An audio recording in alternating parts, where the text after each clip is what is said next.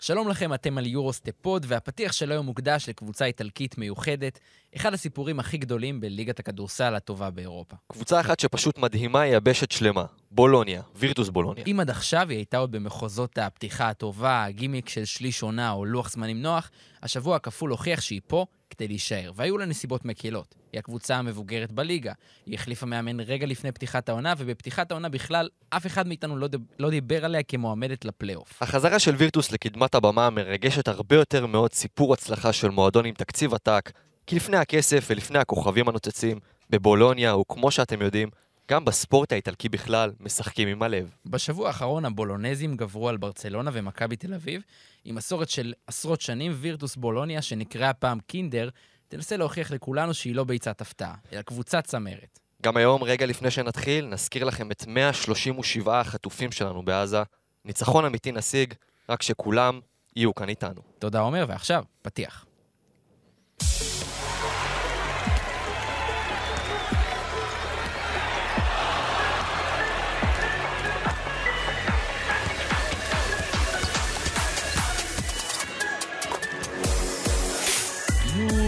יורוסטפוד, פודקאסט היורוליג של ערוץ הספורט. שלום לכם, ברוכים הבאים, עמית ניר. שלום, שלום. עומר לוטם, שלום ורשרבי. סרשו. שלום. ארד ירושלמי על העריכה ועל ההפקה. אנחנו כאן נפגשים לסכם מחזור כפול אה, באמת גדוש באירועים. איך היה לכם? היה כיף, היה... התחיל כיף. יצא ששלושתנו ראינו כן. את היום הראשון מבין ארבעה ביחד. אה, זה היה יום... אולי היום הכי כיף בשבוע הזה. כן, שכל משחק הסתיים שם עם איזו זריקה על הבאזר, שלשת שוויון, היה שתיים רצוף. כן. אה, בכלל, זה היה שבוע... שבוע של יורוליג, שבוע של של יורוליג. יורוליג, שבוע מרגש. אבל המחזור ה-12 זה היה המחזור הכי צמוד בתולדות המפעל, שזה די כן, מטורף. משהו לא נורמלי. כן. אה, וגם shout-out לדורון אילת, ששידר בשבוע הזה את משחק היורוליג הראשון. שלו, ברכות, מאזין ברכות. הדוק, היה איתנו גם בפאנל, אנחנו שמחים ומברכים על כך. ויקב- וממשיך בערב היורוליג ביום חמישי לשדר יורוליג, אז אה, הוא על הגל. מה זה פרסום ראשון? פרסום, אה, כן, וואי וואי. עם מקור ראשון גם. אז uh, אנחנו נפתח את הפרק uh, כהרגלנו עם איזושהי פינה ככה לחימום. השבוע החלטתי להתקיל אתכם ולשאול אתכם מי ההפתעה של השבוע, זה יכול להיות קבוצה, זה יכול להיות שחקן, זה יכול להיות מה שאתם רוצים. נתחיל איתך, עמית. טוב, אז אחרי הפתיח שעשית, אי אפשר להתעלם אה, מווירטוס בולוניה, אז אלך על שחקן ספציפי בווירטוס בולוניה. שחקן שעד עכשיו העונה בקושי נגענו בו, אה, וזה דניאל לקט. שדניאל לקט זה שחקן שאנחנו מכירים כבר המון שנים, הוא עוד כמה ימים חוגג יום הולדת 36. שחקן שלאורך שנים אנחנו יודעים מה יש לו לתת, ואנחנו תמיד אהבנו אותו, ותמיד ידענו שהוא שחקן שיכול לשחק בקבוצות גדולות, והוא גם שיחק בקבוצות גדולות. ובעונה הזאת אה, הוא עד עכשיו בעונה טובה יחסית. הוא לא הבורג הכי משמעותי בקבוצה הזאת, אבל השבוע הזה היה שבוע פשוט מדהים שלו. זה היה, אלו היו שני המשחקים הכי טובים שלו, ושני משחקים מאוד חשובים לווירטוס מול ברצלונה ומול מכבי. אה, אני מאמין שרוב האנשים ששומעים אותנו הם ראו את המשחק של אה, מכבי מול וירטוס וראו כמה השחקן הזה משמעותי. קודם כל הגנתית אנחנו יודעים כמה שהוא חזק וכמה שהוא טוב, אבל גם התקפית, הוא סיים את המשחק עם 12 נקודות, 8 אסיסטים, 4 ריבאונדים. משחק קודם מול ברצלונה, 14 נקודות, 6 אסיסטים, שניהם הוא עבר את ה-20 מדד. זה שחקן שברגע שהוא טוב, ברגע שהוא עושה את מה שהוא עושה בשני צידי המגרש, הוא תוספת פשוט אדירה. יפה, יפה, עומר. אני הלכתי עם אה, טייריק ג'ונס, שאנחנו יודעים שהוא שחקן טוב, הוא שחקן יורוליג לגיטימי, אבל לדעתי בשבוע האחרון קיבלנו את הגושפנקה, שהוא אפילו יותר משחקן יורוליג לגיטימי. מה שהוא עשה במשחק נגד פנטינאיקוס, מול אחד הסנטרים הטובים ביבשת, מתיאס לסור, 21 נקודות, 13 ריבונדים, הגנה, עם, הגנה גדולה עם 4 חטיפות, בלוק אחד, אה, ובאמת הוא קלע שם 8 מ-12 מהשדה, עם דומיננטיות מפלצתית בצבע, הרגשת שכל פעם שהוא מקבל את הכדור בצבע, קורים דברים טובים, אה, ואני חושב שבסוף אנחנו מדברים פה על הסנטר הפותח של אנדולו אפס, זו קבוצה ששואפת להגיע רחוק, והמטרה המטרה שלה זה לא פחות מפלייאוף, אני לא רוצה גם להגיד פיינל פור, כי כרגע היא לא באזור, אבל זה הש... אלה השאיפות, פלייאוף לפחות. אלה השאיפות, אני בטוח שכשארדם שטיין הגיע בקיץ והחתים את דריוס תומפסון, אלה היו השאיפות.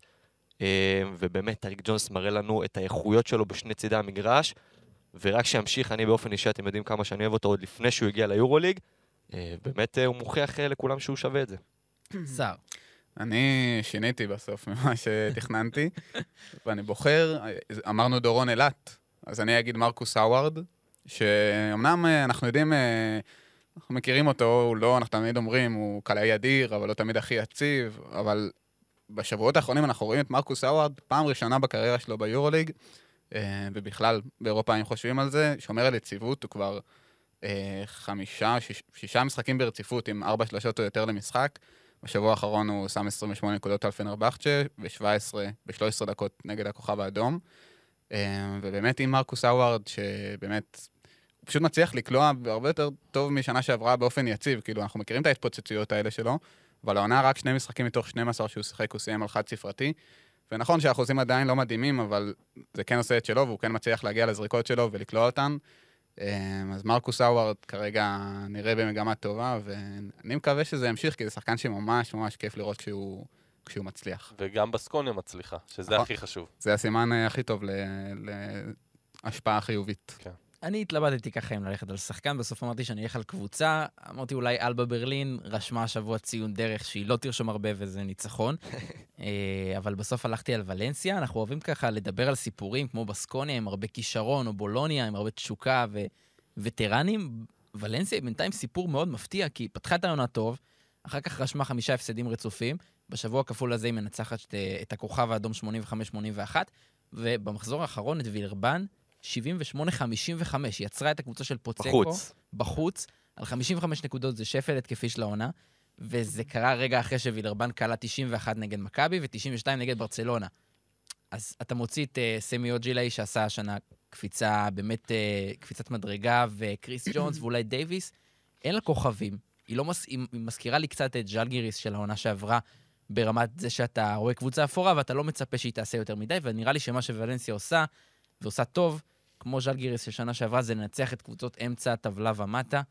היא לא מתחרה עכשיו בקבוצות הגדולות, אבל הדבר הזה יכול בסופו של דבר להוביל אותה לפלייאוף, בזמן שקבוצות כמו הכוכב ומילאנו וביירן השקיעו הרבה כסף, עושות הרבה רעש, יכולות להיות בחוץ. אה, אז ולנסיה בשבוע הזה זו הפתעה אה, שלי.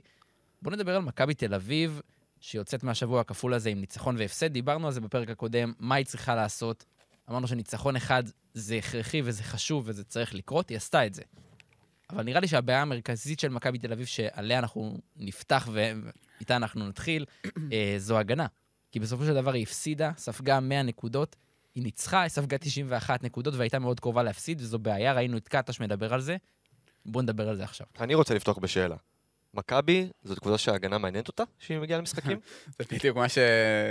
אני חושב ש... ששחקנים שם קצת כל כך נהנים מהכישרון ההתקפי שלהם, שהם פשוט מתייחסים, לא יודע, זה בסוף גם יכולות אישיות, ואתה רואה שחקנים פשוט מאפשרים לך, לא יודע כמה זה מעניין אותם. קבוצה, קבוצת NBA שמשחקת ביורוליג, מלא אמריקאים, של קצב גבוה, ולהפציץ, והכל מהכל, ושוכחים את הצד ההגנתי. זה, אני, לדעתי מדובר גם בבעיית, איזושהי בעיית מוטיבציה. כי אנחנו רואים שזה בסופו של דבר נובע משני שחקנים אה, הכי בולטים של הקבוצה הזו, שזה לורנזו ובולדווין, שהם כמובן שני השחקנים הכי טובים, והם נמצאים על המגרש ביחד יותר מ-60 דקות בממוצע למשחק. אבל הגנתית אתה רואה כל כך הרבה פעמים במהלך משחק שאתה יודע, אתה אפילו לא צריך להגיד איזה תרגיל מתוחכם, משהו כזה, פשוט עוברים, עוברים אותם על, המ- על השנייה מסכים, הראשונה. אבל זה מרגיש לי מעבר ללורנזו אני גם ובולדווין. חושב. אני- אתה לא, אז יכול- אני אומר, זה מתחיל שם. כן. כן, אחרי זה ברור, אבל... ברגע יודע שש- לאיפה אני מספיק- מכוון. כן, מספיק אבל ששחקן אחד מתחיל עם הגנה לא טובה, לא שומר, נותן שעוברים אותו, והכל מתפרק. ואני חושב שגם יש, שזה קשור מאוד למוטיבציה. אנחנו לא יודעים בדיוק, אתם יודעים, כל המצב, כל הסיטואציה הזו היא מאוד שונה. אנחנו עכשיו גם ראינו ששניהם למשל לא חוזרים לארץ לפחות בינתיים. מכבי אתמול פרסמו את הסגל, לא, עוד לא פרסמו, אבל היום הם יפרסמו את הסגל. להרצליה. כן, להרצליה, ששניהם וקולסון לא, לא חוזרים כרגע לארץ. אה, וגם אני חושב שזה משהו שבא לידי ביטוי בתוך המשחקים עצמם, שיש לזה חלק גדול גם לקהל. לזה שכשמכבי בבית, אז מכבי בבית אז אין לך בהיכל, פנים לשמור ככה? אז השחקנים האלו לא יכולים להרשות לעצמם להוריד, הם יודעים שהקהל יקטוש אותם אם הם יעשו את זה. ואז מן הסתם זה משהו שדבר עודף דבר, ואז הם מקבלים את המוטיבציה מהקהל, נטרפים, ואז הכל עובד יותר טוב, וככה גם המשחק אה, התקפה של מכבי נראה יותר טוב, כי הם מצליחים לקפוט עיבודים על היריבה, לצאת קדימה, שאנחנו רואים את זה גם עכשיו כשהם אה, לא משחקים בבית, שזה קורה הרבה. אבל כשהם לא מצליחים לעשות את זה, אז גם הם תקועים לפעמים בהתקפה במשחק העומד, הרבה יותר קשה להם, וגם הגנתית, כשהם לא מצליחים לקפוט את העיבודים, הם הרבה פעמים גם מהמרים. הם חוטפים המון סלים קלים, ו- וככה זה נראה, 90, 100 נקודות במשחק. אני חושב שזה מגיע מ- מעודד קטש, ואני אוהב ומעריך מאוד את עודד קטש, והוא לדעתי המאמן הכי טוב בארץ. אה, אבל אני חושב שהדרך שבה הוא בוחר לנהל את שיטות המשחק שלו, שהמשחק שלו מבוסס רק על התקפה ואנחנו לכלל יותר מהיריבה, יכולה לעזור לו לנצח משחקים פה ושם, וראינו שהיא עזרה לו לנצח משחקים, אבל בסוף, המטרה של מכבי תל אביב היא להגיע לפלייאוף. המטרה של מכבי תל אביב כשהיא מגיעה לפלייאוף היא להגיע לפיינל 4. כשאין לך הגנה טובה וכשאתה מגיע עם, עם, אה, עם תיאוריה שההתקפה תנצח לי את המשחק בפלייאוף במאני טיים, זה לא יעבוד לטווח הארוך. אתה חייב לבוא למשחקים ולהכין את עצמך הגנתית, אלא או כוכבים של היריבה או לסגנון המשחק של היריבה, ואנחנו לא ראינו את זה בשבוע האחרון קורה בכלל. עזוב וילרבן שם בצד, היה לך את טוקו שנגליה, שלדעתי הטיפול בו היה נוראי. השאלה, איך אתה מטפל בו? כי אני מראש, נראה לי כל מי שמכיר את הליגה את הזאת. מראש, יכול להבין שטוקו שנגליה הולך לחגוג על מכבי, כי פשוט אין לה דרך להתמודד איתו ברמה נכון, האישית. מסכים. אבל דיברנו על זה גם לפני ריאל מדריד, ואנחנו מדברים על זה לפני כל מפגש של מכבי תל אביב עם שחקן מוכשר מעל השחקנים האחרים בעמדה שלו. מכבי תל אביב פשוט צריכה לוותר בכל מפגש כזה? אני לא יודע, צריך למצוא פתרון אה, הגנתיים כנראה כשהם יותר קבוצתיים באמת, אבל אין לך. סיסטם. והשחקנים עצמם, אתה רואה דעיכה, כאילו מה שקורה, נגיד, אמרנו בולדווין, לצורך העניין, אה, ירידה דרסטית בכל מה שקשור לנתוני הגנה שלו. אם בשנה שעברה כלוא מולו ב-41 העונה זה כמעט 50 הדיפנסיב רייטינג שלו הכי נמוך במכבי חוץ מג'יי כהן. ששוב, זה נתונים כאילו מתקדמים, סטטיסטיקה מתקדמת, שלא בהכרח מעידה על הזה, אבל זה כן מראה איזושהי מגמה. אה, ונראה שגם, כנראה שזה פשוט שילוב, שגם השחקנים התאהבו בזה שהם משחקים התקפה כל כך יפה, וגם קטש מתחיל להאמין שעם התקפה בלבד ובלי תשומת לב מיוחדת, נגיד, להגנה, אלא להתרכז בעיקר במה שאתה עושה טוב, אז, אז אתה תנצח, אבל נגד קבוצות שהן כמוך או ב- ברמתך או יותר טוב, אז זה, זה לרוב לא יעבוד. עומר, אתה, אתה מאמין שמה, שקטש צריך ללכת נגיד יותר, פחות עם בולדווין ולורנזו מדי פעם? לא, זה לא הבעיה שלי. אתה לא חושב ציינת ש... שזה הבעיה. אני, לדעתי זאת לא הבעיה המרכזית. הבעיה המרכזית היא הלך הרוח. הלך הרוח של אבל מי מכתיב את הלך הרוח? מאמן. אבל שנייה, אבל הוא מכתיב את זה דרך השחקנים הכי טובים שלו שנמצאים על המגרש. בסופו של דבר, כשהשניים האלו משחקים 65 דקות משותפות ועושים עבודה טובה בהתקפה ברוב הזמן, זה בא על חשבון ההגנה. אז השאלה אם אנחנו... מה אנחנו... אני לא חושב, שוב, אני חושב קטש יכול... שמאמן יכול לגרום לשחקנים לפעול לפי איך שהוא רוצה שהם יעבדו. וברגע שקטש לא אומר ללורנזו ובולדווין, אתם רודפים בהגנה, אתם עושים את הרוטציה הזאת. אני, איך שהייתי מגיע למשחק נגד בולוניה, זה עושה כל פעם שטוקו מקבל כדור, דאבל טים, או מראה עזרות חזקות עליו, וגורם להגנה לעשות רוטציות, ושאחרים ינצחו אותי. שטוקו שנגלה לא יחגוג. זו כבר שאלה, אבל מה קטש, עד כמה הוא מרגיש בנוח לדבר ו... עם, להגיד לבולדווין, למשל, היה בעיה. מקרה, כן, נכון, זו בעיה, אני מסכים, זה שורש הבעיה. שלמשל שסורקין עשה איזה טעות הגנתית, היו לו איזה שתי טעויות הגנתיות מול טוקו, העיף אותו לספסל. בולדווין, אנחנו רואים אותו, בולדווין או לורנזו, אנחנו רואים טעות אחרי טעות אחרי טעות, ואתה לא תראה את הירידה הזאת. כי בסוף הם גם מביאים לו בהתקפה דברים הרבה יותר חשובים, אני מסכים, זה לא פה שחור או לבן, אבל בסוף, בסוף, בסוף, אם אנחנו מסתכלים לטווח הארוך ולא רק פר משחק, זאת שיטה שלדעתי, ספק אם היא תעבוד וספק אם היא תצליח למכבי. נכון, למרות שאנחנו... יושב עכשיו עודד קטש, מסתכל על המאזן שלו, 7-6, יכול לראות שהוא לא שיחק בארץ מאז המחזור הראשון, ואומר לעצמו, בינתיים זה עובד, יש לי שני גארדים שהם מהטובים במפעל, ואני מצליח לנצח את המשחקים שאני צריך לנצח. להשיג עכשיו ניצחון חוץ נגד בולוניה, שהיא קבוצה מצוינת, אפשר להגיד שזה, שזה אולי קצת מעל מכבי תל אביב. אבל הוא יצטרך את הניצחונות האלה, כי אם אתה רוצה לעשות את, להגיד, לעמוד במטרות שלך, אתה צריך לנצח בדיוק את המשחקים האלה גם. וזה בדיוק מה שמבדיל בין הקבוצות שנמצאות ב-10-11 ל-6-7, סתם אני זורק. אז כאילו, זה לא באמת, אה, אני בטוח שגם קטש מאוד מוטרד ממה שקורה לו שם בהגנה, ואני בטוח אה, שהוא ינסה, לא יודע, לבדוק מה המצב, אני לא יודע, אני לא יודע מאיפה לגשת לזה, אבל הוא בטח יודע. או יש לו כיוון כלשהו, וברור שזו נקודת התורפה היחידה, היחידה הבולטת בקבוצה הזאת, כי אם מכבי הייתה עושה הגנה, היינו רואים אותה במאזן אחר לגמרי, היורולי כל כך צמוד, מכבי הייתה יכולה להיות עכשיו הרבה יותר גבוה, עם קצת יותר הגנה. מה עוד אנחנו יכולים לדבר על השבוע האחרון של מכבי תל אביב? בעיקר על אה, וירטוס בולוניה, על ההפסד הזה. אה, יש לכם איזשהן נקודות שאתם רוצים לגעת אליהן? אני מתוסכל מקולסון ברמות, אני לא מבין למה הוא לא מקבל כל ה... כל זה ה- ממנו או מהש... מ... מ- מהשימוש בו. כן, מהשימוש חושב. ביותר. לא, לא ממנו, כאילו, מה, ש... מהסיטואציה שלו. לא יודע, לראות את השחקן הזה מנסה לגרד לו זריקות דרך ריבונד, התקפה ומין דיפלקשנים כזה תוך... זה לא מגיע לו, הוא יכול לעשות נקודות ביעילות, פשוט לא עובדים בשבילו. הוא סיים את השבוע עם מספרים לא רעים, בכל מקרה, אבל זה פשוט מרגיש שלא הולכים אליו מספיק בהתקפות העומדות. שוב, כן. אמרנו, כשמכבי רצה, אז היא רצה והכל טוב ויפה. אבל בהתקפות העומדות אנחנו רואים המון בעיות, וקולסון מוכיח פעם אחר פעם שכשאתה נותן לו את הכדור בפוסט, הוא מייצר, הוא מייצר מזה נקודות, כל פעם. לא משנה גם, שומר שחקן בגודל שלו, לפעמים אפילו יותר גדול, עם הפיידווי הקטלני שלו, באמת, הוא קולע באחוזים מדהימים, ואני לא, לא מבין איך זה לא משהו שאתה, שאתה אומר, זה, זה משהו שצריך לקרות לפחות שלוש-ארבע פעמים בכל משחק. כי זה קורה סתם, אה, ממצ... לא כי מכבי מנסה, לא כי קטש עכשיו אומר, אני עושה תרגיל כדי שקולסון יהיה מולו שחקן בדיוק. קצת יותר קטן, והוא יעשה את הנקודות הקלות האלו. זה לא קורה, וזה באמת לא מובן, אני מסכים. חוץ מזה, אה, אם אפשר איזושהי נקודת אור מהשבוע, זה רומן סורקין. שרומן סורקין, אנחנו מתחילת העונה אמרנו שיש אה, איתו קצת... שוב, ציפינו ליותר, ציפינו ש... דיברנו פה בתחילת העונה שסורקין זו השנה שלו, הולך לתת בראש. אה, משחק מצוין נגד וילרבן. שני משחקים טובים מול וילרבן, באמת הוא היה מצוין, ובכלל רואים שינוי במגמה. הסתכלתי שבעה משחקים ראשונים העונה, הוא כלה חמש נקודות ופחות משלושה ריבאונדים ב-13 דקות. שישה משחקים אחרונים הוא על עשר וחצי נקודות, ארבעה וחצי ריבאונדים בכמעט 20 דקות.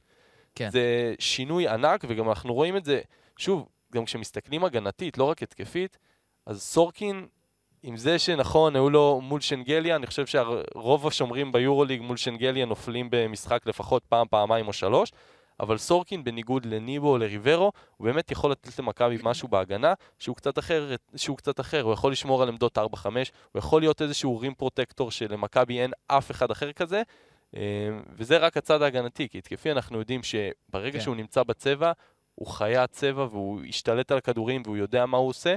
אה, הוא גם והש- מרוויח מזה שניבו בתקופה האחרונה, הוא לא במיטבו, מרוויח וזה- הוא עדיין מחפש, אבל אני חושב שמכבי תל אביב צריכה לחפש את הדרך לשחק עם סורקין וניבו ביחד אולי. אנחנו רואים הרבה סורקין וריברו ביחד. כן. זה דווקא יכול להיות יותר חכם, כאילו, זה שני שחקנים שאולי עושים קצת יותר דברים ביחס לניבו, וביחד זה נראה קצת יותר שלם, למרות ששניהם לא משחקים ב... זה לא איזה משהו שהם רגילים אליו בשנים האחרונות, אבל הם באמת נראים לא רע ביחד, אפילו לא ברור מי ה-4 ומי ה-5, אבל כן. לא בטוח אם זה, אם זה כל כך קריטי. הגדרה לא, לא, לא כן. חשובה. בסוף, השבוע הזה הראה לנו את לורנזו ובולדווין מבחינה התקפית לפחות, ב... לא רוצה להגיד בגדולתם, אבל הם נתנו משחקים טובים, וברוב המשחקים של מכבי תל אביב העונה, אם הם יקבלו את שניהם ברמה גבוהה בהתקפה לפחות, הם 80-90% מנצחים. שלא יהיה פה ספק, הגנה, לא הגנה, ואם זה הם יקבלו נכון. את קולסון, אז הם מנצחים. זה בכלל. אה, ביום חמישי מכבי נגד אנדולו, גם מקבוצת הגנה רעה, אבל אה, יותר קשה לעשות הגנה כשאין לך שחקנים, והיא עושה את זה בסגל חסר במיוחד, מה שקורה שם עם הפציעות זה לא נורמלי. עוד מעט נדבר על אנדולו, אבל בואו נדבר על מכבי. זה משחק שהיא חייבת לנצח? חייבת, חייבת לנצח. כן. לא, זה עכשיו יש לה שלושה משחקים ביתיים.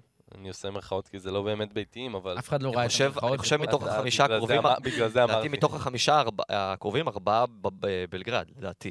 כן, אז לא. אמ, בקיצור, אז מכבי חייבת פשוט... זה משחק שהיא לא יכולה להפסיד, נכון? הנדולו כן. עוד מעט נגיע אליה, היא ניצחה שני ניצחונות, מרשימים מאוד, אבל זו קבוצה ששישה, כן, שבעה, לא. כן. שישה, שבעה שחקנים בערך הכי טובים שלה, שוב, חוץ מלארקין ותומפסון, לא משחקים. ומכבי זה, זה משחק שאם הם יפסידו אותו, אז הם, אני בטוח שהם יצטערו עליו בעתיד.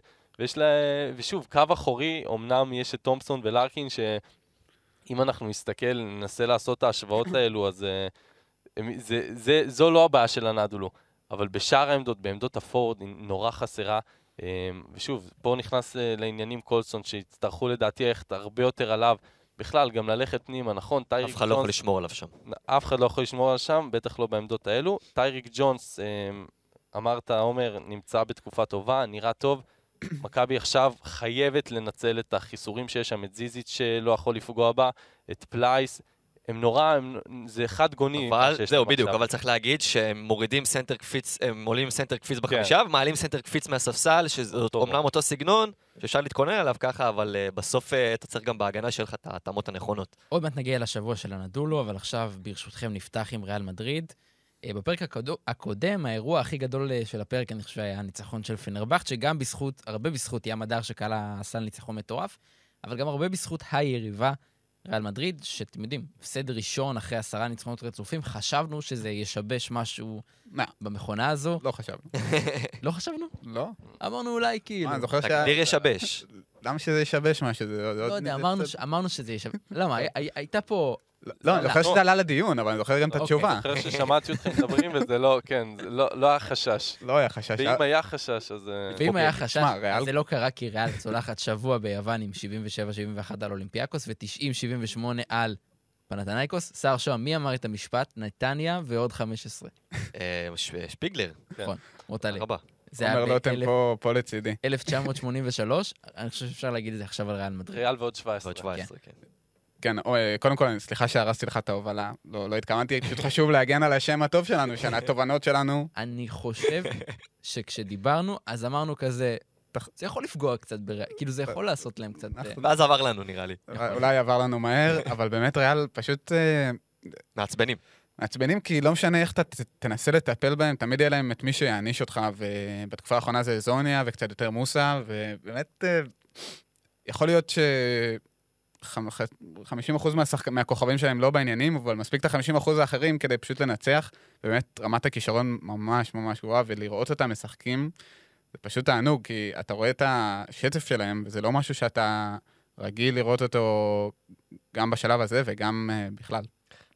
נגד במשחק נגד פנטינאיקוס, מחצית ראשונה אתה רואה את וילדוסה מתיישב על קמפסו, הוא אומנם כלה 6 נקודות, אבל אתה רואה שהוא לוקח זיקות קשות ובאחוזים לא טובים, והמש... והמחצית נגמרה באחד הפרש או לריאל או לפנטינאיקוס, לא זוכר למי, ואתה אומר, בואנה, קודם כל יש פה משחק, פנטינאיקוס הגיעו למשחק, ודבר שני, אתה אומר קמפסו, שזה אולי הכוכב של היריבה, מנוטרל, ואתה אומר, טוב, הנה, אם, אם הוא לא במשחק, אז, אז אולי ריאל יפסידו גם את זה באווירה. כן. של, של ההיכל שם, והם עולים לרבע שלישי, ריאל מדריד, פשוט אה, גורמים לכל מה שחשבת להיעלם. זה שם גם קרה נגד מכבי. הרגע הזה שריאל מחליטה, שהיא מעבירה. הילוך. כל הזמן, ואז כל זהו. משחק זה קורה. והקטע שגם ברבע השלישי, אני לא הרגשתי שפנתנייקוס בהכרח שיחקה פחות טוב מבשני רבעים שלפני. לא, פשוט ריאל ריאל העלתה... מחליטה ללחוץ על הגז, וזהו. שש דקות היה שם ריצת 22-1, וזהו, נגמר. וכן, כמו שאמרת, אז מוסא פתאום בתקופה ממש טובה. אה, פשוט זה, זה נראה קצת לא הוגן. הדבר היחיד שאני יכול להגיד שהיה קצת... אה, שהיה לא טוב בריאל השבוע זה הדנקים שפורייה אכל על? הראש שלו. מה הוא שם? והוא חיפה על זה בציוץ בטוויטר. כן, בטוויטר, אחרי זה הוא רשם לו fuck you. חברים כמובן. על המדריד, חשוב. מה זה חברים? זה יריבים בנבחרת צרפת כן. על המקום. כן. אה, כן, אבל זה באמת, זה נראה, זה נראה פשוט לא הוגן, כי, ברגע שהם מחליטים שהם משחקים, זה, יש שם יותר מדי שחקנים שכל אחד מהם יכל להיות הכוכב הכי גדול בערך בכל קבוצת יורוליג אחרת. אז ברגע שיש שחקנים לך, שעולים מהספסל. ברגע שיש לך בדיוק שבעה, שמונה כאלו, לך תעצור. ואני אני לא רוצה שאנחנו נשים את השם הזה בצד, שאני כל שבוע כנראה לי היום מציין אותו, סרחיו יול. קל לאבד אותו בין כל הכוכבים, ומוסיה וזונה וטווארז וקמפסו. מה שהוא עושה, ועכשיו בהיעדרו גם של צ'אצ'ו בשבוע האחרון, זה מדהים. אני מסתכל עליו משחק, והוא הוא לא רק קולים את הזריקות המשוגעות, הוא גם מנהל את המשחק, והוא מריץ את השחקנים uh, במגרש, וכל פיק רול שלו זה תאווה לעיניים. ובאמת, הבן אדם הזה לא נגמר, אני מאוהב בו באמת בכל מובן אה, אפשרי ברמת הכדורסל. אה, באמת הצגה, וכמו שסער אמר, כמו שעמית אמר, הם מקבלים את מוסה בגדולתו, הם מקבלים את זוניה בגדולתו בשבוע האחרון, וזה מכונה שספק אם תיעצר אה, מתישהו, אם בכלל. אבל אני רוצה לגעת בבעיה של פנתנייקוס, אם יורשה לי, כי ריאל נראה לי... לא יודע, כולנו יודעים עד כמה היא מפלצתית, ולא יהיה הרבה שינוי בזה בזמן הקרוב, אבל פנתנייקוס זאת קבוצה שחייבת, פשוט חייבת, או את לוקה וילדוסה, או את קוסטס לוקאס, או את שניהם בשתי רמות מעל, כן. כי אתה רואה שזה פשוט שניהם אנמים ולא מצליחים ממש לשמור על ה... לא מגיעים, לא קרובים ל... ליכולת שאנחנו מכירים מהם, ובלי שניהם זה לא יוכל להתקדם יותר מדי, כי בסוף, לא משנה כמה שחקנים, קנדריק נאן עכשיו נכנס לעניינים, כן, ומיטוגלו... משחק גדול האמת. אחלה, מעולה, ומיטוגלו אה, סבבה לגמרי, וג'ריאן גרנט גם אה, נראה בתקופה טובה, אבל בסוף אם אין לך בעל בית, ואנחנו נגיע למילאנו ונדבר מה קורה כשאין לך בעל בית אה, בצורה מוחלטת, אבל וילדוסה וסלוקאס זה שני הרכזים שהיו אמורים להוביל את הקבוצה הזאת קדימה, שני רכזים שזה לוקסוס שיש לך באותה קבוצה, וכרגע שניהם לא פוגעים. כן. אם, אם, כבר, אם כבר הובלת אותנו לפנת, לפנתנייקוס בפרק הקודם, זהו, עכשיו אני מצטט רק את עצמי. בפרק הקודם אני אמרתי שפנתנייקוס, אחלה הניצחונות שהיא עושה, אבל היא צריכה בסוף להימדד מול הקבוצות הגדולות, וסימנו את השבוע הכפול הזה. אנדולו וריאל מדריד, היא יוצאת ממנו בלי ניצחון, והיא מתחילה לצבור לעצמה הפסדים שבמאבק על הפלייאוף, לקבוצה שתזכרו כמה כסף השקיעו שם, היא לא הייתה אמורה אפילו להיות בה, באזורים האלה של המאבק. כן, סימנו את זה שוב, עוד לפני השבוע כפול, הם היו הרי בארבעה ניצחונות רצופים, כן. ואז ראינו שמגיע לוז שפה הם יימדדו משחקי חוץ, משחק בית לא קל אה, עם ריאל, והנה, עכשיו הם כבר שלושה הפסדים רצופים, וזה מראה לנו שבאמת הקבוצה הזאת, אני מסכים מאוד עם סער, גם כתבתי לעצמי שפשוט זו קבוצה שהיא היא מאוד לא יציבה, בגלל שהשני, מי שאמורים להיות הברומטרים, הם פשוט לא יציבים. משחק אחד, אה, וילדוזה יכול לתת לך משחק של 15 אה, נקודות, 7 אה, אסיסטים ב-25 דקות. משחק אחרי הוא יסיים לך עם 0 נקודות ושני אסיסטים ב-7 דקות. אתה לא יכול לסמוך בסופו של דבר, שוב, עם כל הכבוד ללסור ומיטוגלו שהם בעונה טובה, אנחנו רואים קבוצות יורוליג בנויות על הגארדים המובילים, על השח... הם, הם השחקנים שכל קבוצת יורוליג טובה שעכשיו נסתכל, יש שם לפחות גארד אחד שאנחנו אומרים, וואלה, זה בעל הבית, זה שחקן שעליו הקבוצה הזו יכולה לסמוך, וברגע שאין לך אחד כזה, וזה מפתיע מאוד, כי יש להם שני שחקנים שכל אחד מהם היינו אומרים שיכול להוביל לבד קבוצה לפלייאוף יורוליג, לא צריכים לעשות את זה, אז אה, ככה זה נראה. גם מה, שמפ... מה שמפריע לי גם בקו האחורי של פנאתינייקוס ובדקות שמחולקות שם, זה שגריגוניס מקבל קרדיט ללא הכרה, ולדעתי קרדיט שלא מגיע לו כל כך. ואני מסתכל על סלוקאס שלא מקבל מספיק, נכון, לא בעונה כל כך טובה, אבל בסוף גם ריגוניס לא בעונה כל כך טובה, אה, וגריגוניס לדעתי זה מקבל הדקות מספר 2 בפנטינקוס אחרי מתוגלו, אם אני לא טועה. כן. אה, אז אני חושב שמשהו שם לא שקט, בטח בקו האחורי, בכללי בקבוצה הזאת משהו לא שקט, אתה מרגיש שהם מפוזרים כאלה תוך כדי משחקים ולפעמים מאבדים את הקצב, ואני חושב שהחלוקה שם של הקו האחורי, שעכשיו גם קנדריק נאן הגיע ומגיע לו לקבל את הדקות שלו, כי הוא באמת מראה שהוא שווה, יש שם גם את סלוקאס, גם את ג'ריאן גרנט, גם את וילדוסה, גם את גריגוניס, משהו שם צריך להתאזן ולהיות יותר... אה, יותר מוכוון מטרה, ומרגיש שאתאמן לא מספיק שולט בזה כמו שצריך, וזאת הבעיה לדעתי. במחזור הקרוב הם פוגשים את וילרבאן באולם החדש של וילרבאן אה, בחוץ, אז יהיה מעניין לראות את הדבר הזה. אה, בואו נדבר עכשיו על אה, הקבוצות שמשלימות את הצמרת יחד עם ריאל מדריד, ברצלונה ובולוניה. פתחו את השבוע במפגש ביניהן, זה נגמר בניצחון לבולוניה, 80-75. בואו ניגע קצת בבולוניה, דיברנו קודם על יול וטרנים. אה, יש לה הרבה וטרנים, ועדיין זה לא מפריע לה להיות קבוצה מצוינת. זה לא שזה לא מפריע לה, זה עוזר לה. נכון, כן. נכון. זה שבוע של הצהרת כוונות פשוט. כן. שבוע של הצהרת כוונות, הם עד עכשיו דיברנו, אמרנו, קבוצה טובה, באמת נראה טוב, והשבוע היא באה מול שתי יריבות שהן יריבות ישירות על הפלייאוף, אם לא אפילו יותר מזה, ופשוט נראתה מעולה. ומה שהכי אהבתי זה האופי שהיא ראתה מול ברצלונה. כן. כי באמת ברצלונה במשך מחצית שלמה הייתה פשוט קבוצה, קבוצה יותר טובה. אמ, ואז בולוניה, מה שמדהים זה שלונדברג, שאנחנו כל פעם מדברים, אנחנו מזכירים אותו פעם בשבעה, פעם בשבעה משחקים, כי זה מה שהוא עושה העונה. כן. זה כן. פשוט מדהים. השחקן כאילו יכול חמישה משחקים ללכת לישון.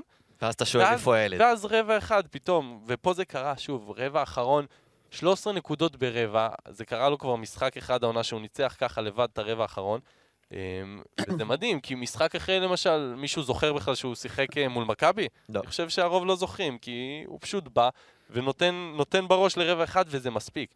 שוב, יש שם את שנגליה שהוא בכל משחק, גם מול ברצלונה הוא לא היה משהו, אבל בסופו של דבר ברבע שלישי, רביעי, הוא התחיל, הוא התחיל לעשות את שלו והתחיל להפעיל את הדברים, ו, וכמו שראינו אותו במשחק מול מכבי, ברגע ש, שאין שחקן הגנה ברמה באמת מאוד גבוהה, שאין הרבה כאלו ביורוליג שיכולים להתמודד איתו, אז נורא קשה לעצור, לעצור את הקבוצה הזו, כי הכל מתחיל ממנו, ואז הכל שוטף, ובלינלי זז, ואקט זז, ו... והכל, פ... מדהים, אגב. והכל פשוט עובד מסביבו, מדהים, והקבוצה הזאת משחקת כדורסל יפה, כדורסל שכיף לראות. זה לא, זה לא, זה לא ניצחונות במקרה. כן. זה פשוט לא ניצחון במקרה, זו קבוצה שמשחקת כדורסל טוב עם מאמן שבאמת מוציא ממנה הרבה יותר ממה שכל אחד היה יכול לתאר. גם אנחנו, גם הם, גם האוהדים שלהם, גם הבעלים.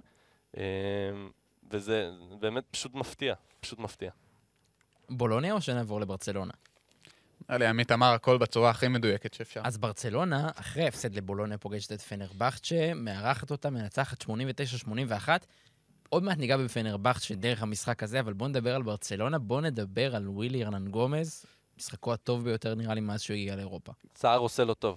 יעשה לו טוב. וגם- וגם ג'ונתן מוטלי עושה לו טוב, כי בסוף אנחנו רואים ש... אחלה יונתן מוטלי. יש לו עוד הרבה מה ללמוד לג'ונתן, ובאמת, מה אם אה, שצריך שג'רון בלוסינגהם וג'ונתן מוטלי ישחקו ביחד, ואז יהיה יונתן ירון. וירון. קיצור, הצמד יונתן וירון. ירון. לא בטוח אם תאומי מגדל של גליל עליון, או... כן, תמשיך. תודה. לא, אז ווילי... לא, אתה...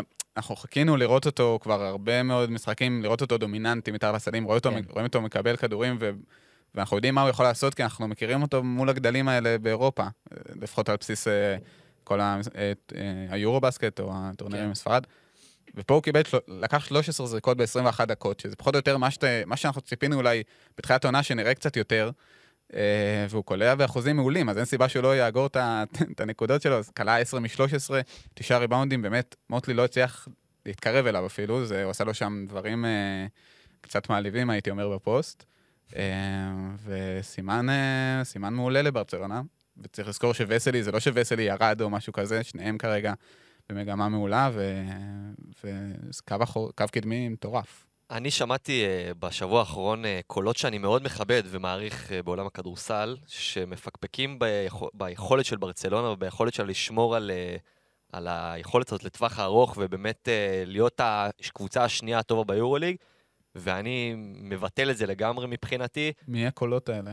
אנחנו נגיד את שמם? הם קולות שאני... אוקיי, אחרי זה. לא, אפשר להגיד, אפשר להגיד. תן ראשי תיבות או משהו. בסדר. לא, אז לא משנה, מי שיודע יודע. אני מאוד מכבד ומעריך, חושב שהקולות אולי הכי, טובים אולי גם אה, בעולם הכדורסל, כן? אבל אני אישית לא מסכים. אני גם לא רואה קבוצה, עם כל הכבוד לבולוניה, שיכולה ברמת היציבות לקחת את ברצלונה כרגע. אני תוהה מי... אוקיי. אז מה שאני בא להגיד, שאני באמת גם הסתכלתי על ה... בעיקר על המשחק נגד פנרבכט, שעזבו שחצי ראשון זה היה קצת אה, מג'עג'ע, אבל לדעתי מה שאנחנו רואים, מברצ... מה שראינו בברצלונה בחצי השני, זאת ברצלונה האמיתית. ברצלונה שמחליטה בר... ברגע של גם, של אה, איך שהיא מנטרלת שחקנים, שפתאום מתיישבים על, על השחקן שמוביל את הכדור, ופתאום הגובה בטירוף שלו עם, ה... עם help and recover בהגנה, בטיפולים בפיק אנד רול, ודיברנו על ווילי ארננגומז ווסלי, שהחילופים ביניהם, אתה בכלל לא מרגיש שהרמה יורדת בעמדה מספר 5, ואני בכלל לא מדבר על אה, ניקולס לפרוביטולה, שהיה מדהים בחצי השני שם אה, נגד פנרבכצ'ה וסטורנסקי, שלדעתי, אם דיברנו על חוסר שקט בפנטינקוס, אז הוא בדיוק ההפך המושלם, הוא נותן לך את השקט במשחק. אה, וג'בארי פארקר, שאני מאוד אוהב את הסגנון משחק שלו, וזה שהוא לא כופה את עצמו למשחק של ברצלונה, באמת, הכל שם נראה, אה, אני לא רוצה להגיד מתקתק, כי מתקתק זה יותר מתאים לקבוצה ממדריד, אבל נראה, נראה שעובד. ורוג'ר גרימאו, פיקפקנו, לא פיקפקנו, חשבנו שיעשה עונה טובה, לא יעשה עונה טובה, מראה שהוא גם, הוא גם, הוא מיני שועל. אני מסתכל עליו במשחקים, אני רואה שהוא חי את המשחק, לא מהמאמנים הוא, אם, בוא נגיד, אם נשווה אותו לקטש כביכול, שהוא פחות שועל של המשחק, הוא באמת, אתה רואה אותו פעיל על הקווים, מחלק הוראות, לא במונחי שרס, אבל מחלק הוראות וחי את המשחק, ואני באופן אישי מאוד אוהב לראות את ברצלונה. אני, אני כן רוצה לתת איזשהו קונטרה, כי אני חושב שברצלונה, כן, שוב, יש את הדקות האלו כמו ריאל, לא ברמה הזאת שהיא באמת נראית כמו קבוצה טופ-טופ יורוליג, אבל יש הרבה מאוד דקות העונה, שזה נראה כאילו שהיא קצת חסרת אונים, משהו לא מתחבר לה. השבוע ראינו את זה פעמיים, גם במחצית השנייה מול בולוניה, שהסתיימה ב-47-30 לבולוניה, וגם המחצית הראשונה מול פנרבכצ'ה, שהסתיימה ב-50-38, שזה הרבה מאוד דקות שברצלונה פשוט לא בעניינים, לא מצליחה מצד אחד התקפית אה, למצוא את הקצב, וגם הגנתית, היא בשתי המחציות האלו ספגה 50 נקודות. אה, אני חושב שגם אנחנו רואים את זה על המאזן שלהם בבית, הם ב-7-0, בחוץ ב-3-3, הרבה יותר נוח להם מן הסתם, כשמגיע, כמו רוב הקבוצות שהם מגיעים הביתה.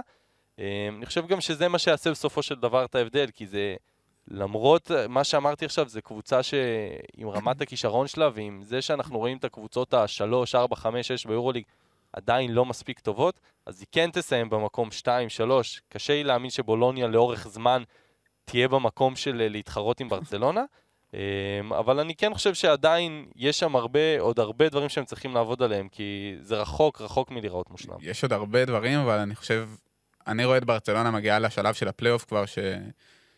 שהיא אולי קרובה לריאל, אבל בכל מקרה במעמד משל עצמה תהיה. גם אז, לדעתי. במקום. השני. אני. בטוח חושב. ב-90% שהיא מסיימת מקום שני.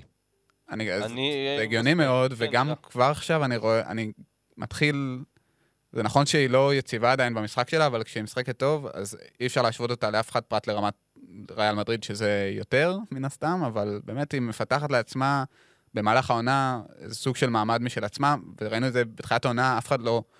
הרבה לא חשבו שהם יהיו במצב הזה כיום, וזה נראה מאוד טוב, בניגוד גם- למה ש... גם צריך להגיד, עכשיו עם כל עניין הפליי אין, ברצלונה צריכה להיאחז במקום השני, כי מקום שני מביא לך לכאורה הגרלה של מקומות 7-8 ומטה, ומקום שלישי זה אתה כבר נכנס לקלחת של קבוצות שהתחמקו מהפליין והם כזה מקום שישי, חמישי. היופי שהכל זה קלחת אחת גדולה כזה, כן. אז, כן. אז לך תדע. אבל כן, בעיקרון, בעיקרון זה משמעותי. כן. על, על הנייר. בואו נדבר על היריבה של ברצלונה במחזור הזה, שגם היא מסתבכת בקלחת, פנרבכצ'ה, רשמה הפסד כפול. אתם יודעים, עד לא מזמן היא עדיין הייתה כזה בטופ של הטבלה, מקומות ש- 3, 4, 5, ועכשיו היא כבר לאט לאט דועכת. השאלה אם זה שבוע רע וזה יחלוף, או שזה מעיד על איזושהי מגמה לא טובה. אני בכל משחק שגודוריץ' הוא לא השחקן הבולט או הדומיננטי ביותר של פנרבכצ'ה, אני פשוט לא נהנה לראות את זה. מסכים איתך. כי אתה רואה את ווילבקין ודורסי שם לוקחים כל כך הרבה. זה לא הכדורסל שאתה מצפה מאיטודיס. מה, איטודיס לא רואה, לא מבין את זה? אני באמת, כאילו... אתה מסתכל על המשחקים שלהם, ואתה רואה שגודוריץ' טוב, אז באמת הדברים שם עובדים כמו שצריך, וזה לא שגודוריץ' לוקח את הכדור ועושה סל כן. כמו ווילבקין, אלא הוא באמת, הוא יכול לקלוע שלושה, ואז יצאו אליו קצת יותר גבוה, אז הוא יחפש את המסירה היותר טובה, באמת עושה את הפעולות הקבוצתיות הנכונות, בניגוד לשחקנים אחרים בקבוצה הזאת, ואני משתגע, כי אני לא מבין איך מאמן ברמתו של איטודיס, אלוף אירופה פעמיים. פעמיים, לא רואה דברים כאלה. ואני רק רציתי להגיד שמשגע אותי כל פעם, אנחנו מדברים על פנרבכצ'ה מלא פעמים ב... בקטע הזה של הסיומות משחק שלהם, שהן נורא צמודות, וכל פעם מישהו אחר שם לוקח זריקות של להציל את המולדת, אבל זריקות רעות, באמת רעות. גם עכשיו, המשחק מול, אה, מול בסקוניה היה בידיים שלהם. ואז בא מרקוס האווארד, שלשה באמת מטורפת, שלשה ועבירה, אבל נתן להם אופציה לנצח, היה נקודה הפרש, היה להם זמן להתקפה. ואנחנו רואים שתמיד יוצאת איזו זריקה, גודוריץ', שוב, גודוריץ' היה הכי טוב על המגרש, גודוריץ', הוא, אני רוצה אותו עם הכדור בידיים לפני ווילבקין ודורסי במצבים אחרים, זה בטוח, אבל איך יוצא מצב שאתה לוקח שלשה כל כך רעה, לקח שלשה איפשהו בין השלשה ללוגו בסופו של דבר, עם הבאזר, במקום נקודה הפרש, זה לא שהיה עכשיו שתיים נגיד, רצית. לנצח, היה זה, לך לטבעת, תקרא לחסימה, תארגן זה, תסחוט פאול, משהו. קשה לי מאוד, כל פעם אנחנו מגיעים למצב הזה שפנרבכצ'ה פשוט קופאת במאניטה, הם לא מסוגלת לנצח משחקים ככה, זה נראה רע. ש- ש- שייתנו את הכדור להם. זהו. מה שבאתי להגיד, עוד משהו שמרתיח, זה שים הדר משחק רק 9 דקות ו-39 שניות נגד. ברצלונה, ומשחק טוב, באמת. 6 נקודות מדד יעילות, ואתה מרגיש שרק אם ייתנו לו יותר את הכדור ביד, וייתנו לו יותר את הביטחון אה, לעלות למגרש, אז הוא ימשיך לעשות את הדברים האלה, כן. בטח אחרי מה שהוא עשה בשבוע שלפני כן, ואני... יש דברים לא, לא מובנים לי זה בפנרבכצ'ה. גם, זה גם מעבר, ל, מעבר לנתונים היבשים, כי מדר עלה באמצע רבע שני פעם ראשונה, הוא כלה 6 נקודות רצופות, הוא לבד הוביל בריחה של פנרבכצ'ה, שירדה ב-12, פלוס 12, בגלל מדר, בגלל הריצת 6-0 שלו, אה, ואז הוא לא מחזיר אותו בתחילת המחצית השנייה. כאילו, קצת גמישות, קצת... הוא זה שעכשיו, אה, הרגע, לפני אה, רבע שעה, זה שנתן לך, זה שלקח אותך לאיפה שאתה נמצא עכשיו. וגם שומר טוב. כן, ועושה הכל, ואז אתה מחזיר אותו כבר כשההפרש יורד לכמה דקות, מוציא, זה, זה לא הגיוני. גם איטודיס פה במודע בחר לשחק בלי רכז טבעי, כי גם קלטס לא שיחק הרבה, פחות מחמש ארבע דקות. דקות, כן, משהו כזה. אז כאילו זה נהיה איזה משחק של... דורסי, אגב, שיא קריירה באסיסטים עם שבעה, אחלה, אבל עדיין זה כאילו לא מה שאתה מצפה מקבוצה שיש לה כאלה כלים, פשוט לא משתמש בהם. כן, מוזר, אה, סיכם את זה זוהר ארגוב. יש דברים נסתרים, לא נבין, לא נדע. יפה, שרבי. בואו נמשיך עם בסקוניה. ופרטיזן, שקצת הפוך מפנרבכט, שבטפסות רשמו שבוע מושלם. שתיהן קבוצות שהתחילו את העונה לא טוב. בסקוניה בעיקר, אני לא יודע אם אתם זוכרים בפרק הקודם את מה שעשינו כאן על אה, בסקוניה, על ההחלפה של המאמן, שבסוף התבררה כ- כאיזשהו מפתח לפריצה הזו. היא רושמת שבוע מושלם, היא עולה למקום הרביעי, והיא נראית טוב. וצ'ימה. צ'ושקו אפקט. וצ'ימה. וצ'ימה. והם שבע, מנצחים משחקים צמודים. כן. ווינרים. מדהים. ואתה רואה, כן, פשוט כשאתה מגיע למשחק צמוד נגד בסקוניה, אתה, אני, אני כבר מתרגל להאמין שבסקוניה תיקח את זה, ופה הכוכב האדום חזרו, וזה היה נראה כאילו כבר אה, זה נאבד להם שם בתוך הדבר הזה. אבל עוד קצת, אה, עוד קצת צ'ימה, עוד קצת אה, מרקוס האווארד, ו... וזה נפתר. בסוף יש שם שחקנים שיודעים לעשות פעולות גדולות בקלאץ', ויש להם יותר מאחד כזה, וברגע שזה קורה, אז תמיד יהיה את מי שיעשה את זה. צריך להגיד אה, שם שלא הזכרנו בכלל העונה, כי הוא לא, כמעט לא שיחק. ניקוס. אה, ניקוס, בדיוק. שאני זוכר שבתחילת העונה דיברנו עליו אה, כשם. שעשוי עשוי באמת לעשות את הפריצה. סמול פורד יווני, באמת, יכולות, הוא יכול לקחת, פתאום עושה לך דרייבים לתוך הטבעת, כי הוא נראה טיפה ג'ואל פאראי במבנה גוף שלו כזה, טיפה... זה- חתיכת קטגוריה. חשוב להגיד, רוקבופולוס. כן, ש- ניקוס רוקבופולוס, כן. אז ג'ואל פאראי, לא אהבת? ניקוס גליס. רוקי, רוקי, לא? הניקוס השני הטוב ב- כן, בהיסטוריה. מה ש... רוקי. בקיצור, אה, נתן משחק מדהים נגד הכוכב האדום אה, עם 14 נקודות ואחוזים טובים מהשדה, ובאמת נראה לך כמו אה, אחלה תחליף שם בעמדה שלוש, יכול גם לשחק טיפה בארבע כי הוא טיפה יותר אה, אה, גדול. באמת, הוא אחלה שחקן, שימו עליו עין, ואני חושב שבאופן כללי בסקוניה, אם הם מקבלים את מרקוס האווארד וסדקרסקיס, שזה בכלל שחקן, זה ה נייג'ל הייס דייוויס של בסקוניה, תן לו לשחק את ה-40 דקות שלו, הוא כבר יעשה לך את כל הדברים במגרש, הוא ימלא לך את כל הקטגוריות, לא תישאר קטגוריה אחת מאופסת. וגם פוליש בסוף על הפ... כן, בדיוק. אה, של הליטאים כזה, משהו ברמה גבוהה. ובאמת, אה, אחלה, אחלה דושקו. דושקו אפקט אה, מכה, מכה שוב. מה- מה שיפה זה שהיא היא לא תלויה בשחקן אחד העונה, נכון. שזה הדבר הכי יפה. כי נכון, יש לה שני כוכבים. אין ספק שהאווארד וצ'ימה מונקה הם שני הכוכבים של הקבוצה הזאת. אבל בהרבה משחקים אנחנו רואים שרק אחד מהם מגיע, ואז יש לך פתאום את סדקר, סדקרסקיס שבעונה מעולה. מילר מקנטייר שהתחיל לפרוח לאחרונה ומנהל אה, משחק בצורה מדהימה, סיים עם 12 על אסיסטים. ה dunk. ה dunk. שהוא. עשה שם. וואו. אפשר להגיד שזה הפולו דנק הכי יפה שראינו אולי? מטורף. ביורוליג לפחות. לא אני לא זוכר דבר כזה. גם לא זוכר דבר לכו כזה. תראו. אה, לכו מבחינה תראו. טכנית זה הדבר הכי קשה שראיתי, הוא בא עם הכדור מאחורה ו... הוא עשה שם זה משות נראה- שלא... כן, זה נראה קצת כמו פוטושופ, כאילו, לגמרי. ב- בתנועה. אתה לא מאמין שאתה היא רואה את זה לא- בפעם היא לא הראשונה. נראית הגיונית. כן.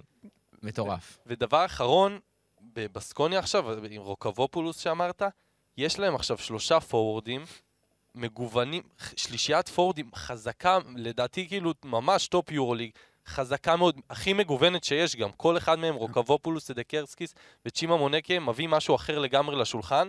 אה, וזה, וזה כיף, כי הם גם, כל אחד מהם זה שחקן שנורא כיף לראות אותו בצורה אחרת. צ'ימה עם החייתיות שלו והיכולת שלו לעשות אה, נקודות. רוקבופולוס עם זה שהוא פשוט, הוא הפורוורד, הוא פורוורד והוא הריבאונדר הכי טוב בליגה, והוא גם קולע מבחוץ. סדקרסקי. בסדר, אה, כן. סדקרסקי, סליחה. ורוקבופולוס, שעוד לא יצאנו לראות יותר מדי, ואנחנו יודעים, הוא קלעי והוא גם סקורר, כל אחד מהם בצורה קצת אחרת, וזו קבוצה מגניבה מאוד. וגיצ'ימה גם יודע להחטיא כמו גדול. גם להחטיא צריך לדעת. וואו, איזו. החטאה. בסוף, זה דיון אה, כל כך ויזואלי. זה דיון שלא לא מתאים לפודקאסט, הוא מתאים ל... כן, בדיוק, נכון. ממש ויזואלי. אבל כל השחקנים האלה שדיברנו בבסקוניה, בסוף נמצאים בתקופה הכי טובה בקריירה שלהם, בקריירה. אז ככה נראית קבוצה שמגיעה לפיק עם כל כך הרבה שחקנים, ועכשיו השאלה אם יצליחו לשמור על זה. בהמשך צריך. לאחל להם ש... שיצליחו לשמר את הדבר הזה בשביל להגיע לפלייאוף במקום בטוח. אה, וכרגע זה לגמרי נראה כמו משהו שיכול לקרות. עוד קבוצה עם שבוע טוב, אה, הזכרתי קודם, היא פרטיזן בלגרד. היה לה ניצחון כפול בשבוע הזה, היא ניצחה את אה, מילאנו במחזור האחרון, אבל צריך לדבר על המשחק נגד מונקו, שהיה באמת אחד מהמשחקים היותר טובים של התקופה האחרונה, הסתיים אחרי הערכה, ופרטיזן מנצחת 89-85. ועם טעות שיפוט קריטית. טעות שאנחנו ישבנו. בבית. ולא הבנו. ופענחנו, חשבנו אולי- שאין שמונה שניות, שאין שעון 24, כן, 10 אולי. שניות. חשבנו כבר למצוא הסברים ללמה לא שרקו שם, כי זה היה באמת די חד משמעי. היינו מרחק אה, טלפון לספי שמש. כן. וגם הודיעו היורוליג בסוף, ת- צריך להגיד, אה, מונקו עשו, אה, אה, פרטיזן עשו אה, עבירת שמונה שניות ב-20 שניות לסוף, בין ה-20 ל-11 שניות לסוף, אה, כשהם הובילו בשתי הפרש ולא נשרק שם שום דבר, נגמר בארבע הפרש לפרטיזן, ככה שזה ממש אה, הכריע פה משחק אה, בפוטנציאל, אבל באמת היה שם משחק אדיר. מייק ג'יימס אה, עם, עם שתי שלשות ענקיות בסוף של הרבע הרביעי, כבר כשהיה נראה שמונקו כן. כבר לא בעניינים, שלח את זה להערכה, וגם בתוך ה... זה לא רק מייק ג'יימס כמובן, אבל כל כך הרבה סיפורים במשחק אחד, ופרטיזן בסוף משיגה ניצחון סופר חשוב נגד קבוצה ש... ששאיפות שלה הכי גבוה שאפשר. קודם כל, אתה רוצה להגיד משהו? קודם כל, קווין פנתר מעל כולם, ואנחנו יודעים שאם קווין פנתר ימשיך ביכולת הזאת, אז אני חושב שפרטיזן עושה play-in בקלות, אם הוא ממשיך ככה. אה, לא שהם רק תלויים בו, אבל אני אומר, אם ביכולת הזאת, אז זה יקרה. ודבר שני, משהו שאני מאוד אוהב לראות בפרטיזן, בניגוד להלך הרוח של הרבה קבוצות אחרות, זה דווקא הלארג' בול שהם אוהבים לעשות, בניגוד לסמול בול. הוא פותח בחמישה עם, עם אה, לידי, עם קבוקלו, עם סמיילגיץ', שזה גודל שלא נראה כמותו ביורוליג. אתה לא יודע מי בכלל שלוש מילאנו? בדבר הזה, זה לדעתי... מה? אה, מילאנו, מילה? בסדר, אבל זה יותר גדול, לדע, לדעתי. פותחים גם את בשתיים. יש לך גם את דוזייר, זה- אבל... כן, זה די דומה. ופוניטקה לפעמים בשתיים. בקיצור, הבנתם לאיפה אני חותר. אה, ואני חושב גם, אם תשימו לב, לפרטיזן יש המון תרגילים של אה, חוסם, ואז מישהו screen the screener, אז המון חסימות במהלך תרגילים, שאתה צריך בשבילם גוף גדול ובשביל אה, שחקנים שיוצאים יוצאים על חסימות, כמו פנתר זה מעולה. וקבוקלו לא צריך לה, להגיד עליו, הוא פתח את המשחק נגד מילאנו עם שלוש משלוש לשלוש אחרי חמש דקות. נראה כמו ה real deal של מה, ש, מה שפרטיזן חיפשה, גם קולה מבחוץ, גם אגרסיבי מאוד בצבע, בהגנה. והשטארק ארנה. שטרקן כמה- הזה, כמה זה, שזה- זה לא צריך לציין כבר, זה הצגה, עוד אה, ידענו על זה מדהים. מראש. כן, וזה גם משהו להתייחס אליו, כי בבית הם ב-6-1, בחוץ הם ב-1-5. כן. שזו קבוצה שמההתחלה ידענו שהיא תהיה תלויה כמו בבית שלה. כמו מכבי כן, של פעם. מזכיר- של- מזכיר- וככה, וככה קשה להגיע גבוה, שאתה כן. לא מצליח לנצח בחוץ ובנוי רק על הבית שלך. אמ, אבל כן, קבוקלו רציתי להגיד עוד מילה, כי באמת זה, זה, הוא היה כל כך חסר להם שחקן כמוהו, כי קמינסקי, שאמרנו, אחלה שחקן התקפה והכל, הגנתית הוא לא קיים. קבוקלו, אמנם הוא לא שחקן הגנה מדהים, אבל יש לך סוף סוף גוף בצבע, גוף שיכול לתת קונטרה לשחקנים, לגבוהים אחרים ב- ביורוליג, שיכול קצת להגן על הטבעות, משהו שאנחנו לא רואים פיזיות מסוג כזה. כן. זה והוא יכול פשוט, גם לשמור על גרדים. זה פשוט- שחקן הגנה טוב מאוד אפילו, הייתי מגדיר אותו. זה פשוט בינגו... שוב, אמרנו שהוא חייב לשחק ביורוליג, והוא באמת הגיע למקום שהיה חייב אותו. ואני חושב שגם ידענו את זה מראש, כלומר אמרנו מראש שזה בדיוק מה שיכול לשנות שם את העניינים, ואני חושב שלצד קבוקלו כדאי לציין גם שני שחקנים אחרים שאנחנו פחות מדברים עליהם. אחד זה דוזיור שכן קצת דיברנו עליו, אבל באמת הוא מתחיל להיראות קצת יותר כמו אקסום מבחינת התפקיד שלו בתוך הקבוצה, שזה כאילו מוביל, עוד מוביל כדור, ובהגנה אתה מרגיש את הנוכחות שלו, זה אינטנסיביות ש... ופיזיות דווקא שהיא, ואתלטיות שנותנת אה, פתרונות חשובים. ומרגיש שהוא מסתגל לכדורסל האירופי ממשחק למשחק, אתה מרגיש כן. שהוא יותר שייך. כי. בהתחלה הוא היה נראה אבוד טיפה. כן, אז נראה שהוא כבר פחות מבוהל באמת אולי מהאווירה שיש שם וממה שנדרש ממנו. והשני זה שחקן ש... אני כועס על עצמנו שלא דיברנו עליו מספיק, אבל זה ג'יימס ננלי, שעושה את העונה הכי טובה בקריירה שלו. שזה מטורף, הוא שומר על יציבות, והמספרים שלו... הוא קולע 60% ל-2, 50% ל-3 ו-90% מי לקו. חשב שזה יקרה, כאילו, זה... אז כנראה שז'ליקו חשב, כי הוא זוכר אותו מפנרבכצ'ה כן. ומהימים ההם, ובאמת זה נגד השיתוף- מונקו 39 דקות וחצי. וואי. מטורף. אז אתה רואה שבאמת, כאילו, כש- כשז'לקו סומך עליך ואתה וטרן כמו ננלי ואתה יודע מה יש לך בידיים, אתה יכול להתחבר למין עונה כזאת ש... לא, בן כמה הוא כבר ננלי? בן 30 30 לדעתי, לא? ושלוש. שלוש, וואו. אז כאילו, בגיל 33 עושה את העונה הכי טובה בקריירה שלו. לא נראה בכלל. ושי סידי בטירוף. נה נה נה נה לי. אה, בוא נדבר על מונקו, הייתה בצד השני של המותחן ספק אה, שערוריית שיפוט שהייתה שם. אה, והייתה מאוד מאוד קרובה להשלים ניצחון כפול עם קצת יותר מזל. גם השבוע הפוקוס הלך למייק ג'יימס. בזמן המלחמה אנחנו קוראים לו מאק ג'יימס, והוא פיקד על מונקו גם בשבוע הזה. ונגד ג'לגיריס רשם ציון דרך מאוד מרגש, עקף את נברו בדרך למקום השלישי ברשימת קלעי כל הזמנים. בואו נדבר קצת דיון היסטורי, מייק ג'יימס קרוב לעשות היסטוריה אפילו העונה, להפוך אה, לשיאן הנקודות. העונה דקולו עוד משחק, אז זה יהיה לו קשה. כן, מה עם ספנוליס? 200, יש אפשרי, אבל. 200 הפרש. אפשרי. 200 הפרש, כשדקולו ספנוליס? משחק, איך הוא יוכל לעקוף אותו העונה? יהיה לו יותר משחקים מדקולו. יהיה קודם לו כל, פלייאוף, כאילו. והממוצע כן. שלו יותר גבוה פי בוא- 1.7, משהו כזה, אז תאורטית זה אפשרי. בואו נדבר קצת רחב. איך אנחנו. נזכור את מייק ג'יימס בעוד נגיד עשור? הוא, אני לא יודע אם ראיתם כן, את הייתה- הציטוט שלו, הוא אמר שלא משנה מה יקרה, גם אם, זה נכון שאם הוא ייקח את היורוליג זה ייקח אותו ל-another level, אבל לא משנה מה יקרה, הוא כנראה ייזכר כשחקן הכי גדול אה, בתולדות היורוליג. זה מה שהוא אמר. עכשיו, זה קלאסי מייק לא ג'יימס. משנה מה יקרה. לא אם הוא לא מביא תואר יורוליג. הוא אומר, לא משנה מה יקרה, זה כנראה מה ש... ככה זה ייראה בסוף. זה נכון שאם אני אקח תואר יורוליג זה אפילו ישדרג אותי עוד. לא, כי- אני אגיד לכם מה, אתה מסתכל על מייק ג'יימס, ועזוב את האמירה הבאמת, לא נכונה. לא, כן, מנותקת שלו, אבל בסופו של דבר אתה מסתכל על, על הנקודות שלו, זה מדהים, אבל אתה מסתכל על מה שהוא עשה מבחינת תארים, ואתה מסתכל על שמות כמו נברוס, פנוליס, כאילו, דקולו, ועוד ועוד, וזה זה כאילו מרגיש קצת לא... לא, הוא פשוט, הוא לא, הוא לא ייכנס לרשימות האלו אם הוא לא, אם הוא לא ייקח תואר יורוליג, זה נראה לי די פשוט. הוא ייזכר כסקורר אדיר, כ, כשחקן מדהים, אבל אתה לא יכול להיכנס לרשימות הכי גדולות ברגע שאתה לא, לא מביא תואר. כן, בגדול כן, אבל כן הוא... אני בטוח שהוא ייזכר כ... לא יודע אם להגיד הסקורר, אבל אחד, ה- אחד, אחד הסקוררים הכי גדולים שהיו פה אי פעם, ואולי השחקן הכי מוכשר, לדעתי, ששיחק את המשחק הזה באירופה. באמת לא מצליח לחשוב על שחקן אה, שלפחות אני ראיתי בעיניי אה, ביורוליג המודרני, והוא עבר יותר פה, מוכשר ממנו. הוא עבר בליגה הלאומית, זה כל כך... ו-. וגם צריך להגיד שביחס לאגדות האלה שאנחנו מציינים, כל מיני, אה, לא יודע, צ'אצ'ואים, סרחיואים, נברואים ודברים כאלה, הוא שחקן זר, ככה שלמצוא מקום בקבוצת, אה, נגיד, כל, רוב השחקנים שאנחנו מדברים עליהם זה שחקנים שגדלו בקבוצות שלהם, שהפכו לסמלים בקבוצות שלהם, כן. וכשחקן אמריקאי, במיוחד כשאתה מייק ג'יימס ואתה הפרסונה שאתה, זה יותר קשה למצוא מקום כזה, שאתה באמת אה, יכול אה, לעשות את הדברים האלה פה. בסוף רק צסקה זה המועדון, הקונטנדרית הכי ברורה שהוא היה בה, ושם שם זה פחות עבד. קבוצה שגם עשתה השנה פיינל פור בשנה שעברה, היא אולימפיאקוס, והיא גם עשתה בשבוע הזה, כמו מונקו, ניצחון והפסד. איך אנחנו מסתכלים על השבוע הזה של אולימפיאקוס? אתם רואים אותה מצליחה לטפס לצמרת, או שהיא תישאר באזורים האלה? נראה לי שבוע סולידי, לא, לא חשבנו שינצחו את ריאל, למרות שזה בבית, גם היה משחק אני ח- די אני. חשבתי האמת, אבל אני, מה אני אה, מבין? כן? טוב, אתה תמיד מהמר. לא, יש לך שתי כן. קבוצות שאתה תמיד מהמר. אולימפיאקוס נכון, מבחינתי, מה- אולימפיאקוס של- ומי עוד? 34-0 אולימפיאקוס, עושים, אם אתה שואל אותי אה, בתחילת. נכון. כן. אמ, האמת שגם מול ריאל היא עמדה יפה, היא לא הייתה רחוקה, היה שם אמ, משחק, קודם כל היא הגבילה את ריאל הגנתית, שזה משהו שאנחנו לא רואים הרבה. כן. ריאל באחד ממשחקי ההתקפה הכי פחות טובים שלה, אמ, אבל בסופו של דבר, אנחנו כל פעם, כל שבוע מדברים על, אה, על זה שלאולימפיאקוס אין שחקנים שמסוגלים להכריע משחק, בטח לא ברמה הזאת של ריאל מדריד. עם כל הכבוד לווקאפ שנתן אחלה שבוע, ומאז שדיברנו לפני כמה שבועות, על זה ש... קצת אה, התקפית, הוא פשוט, הוא פשוט לא נמצא, הוא באמת נראה הרבה יותר טוב, אבל אה, בסופו של דבר כשבצד השני יש לך במאני טיים שחקנים כמו קמפסו ומוסה וזוניה, אה, אז אה, קשה לנצח.